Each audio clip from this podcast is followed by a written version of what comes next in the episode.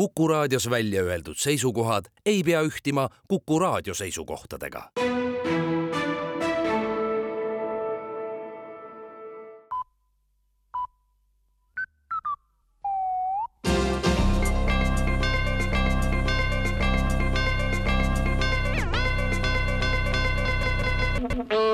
uudised on eetris ja stuudios Rohke Debelak valitsus annab teada, et valmimisel on seaduseelnõu, mis muudab pensionile mineku tulevikus paindlikumaks kui seni. kaugel ei ole aeg, kui pensionile saab alles seitsmekümneaastaselt ja seega on paindlikkus väga vajalik. paindlikkus tähendab seda, et soovi korral võib iga tööealine inimene olla nädalas ühe päeva pensionil samuti saab valida ka noore pensionäri tee olla pensionil ära juba vahemikus kahekümne esimesest kolmekümne esimese eluaastani. kui noorelt pensionil olla, piiratakse see aeg kümne aastaga samas on inimesel võimalus siis alustada juba ka surmani kestvat töötajapõlve. noore inimese organism on tugev ja suudab pensionist ära elada. samuti ei hellita inimene enam pärast asjatuid lootusi, et kui pensionile jään, siis on pensionifondis või riigil raha korralikuks pensioniks. paindlik pensioniseadus jätab ka palju paindlikkust riigile ja seaduses on jäetud riigile võimalus tulla veelgi paindlikumate variantide peale ja toetustest valitsus hakkab alates järgmise aasta jaanuarist maksma toimetulekutoetust esialgu on toimetulekutoetus kolmsada eurot kuus ja seda makstakse nendele inimestele, kes ise oma asjadega toime tulevad ja riigipoolset abi ei vaja.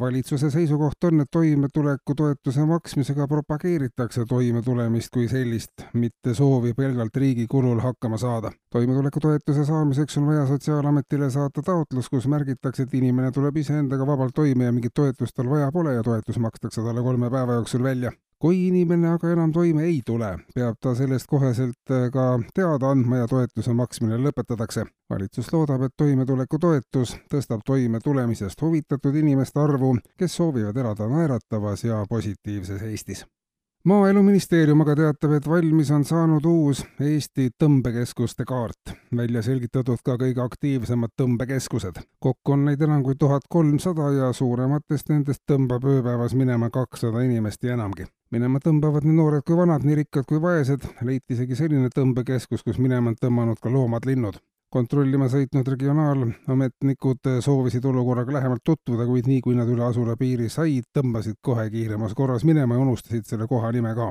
tõmbekeskuste kogu pindala moodustab hetkel kuuskümmend kolm koma kaheksa protsenti kogu riigi pindalast.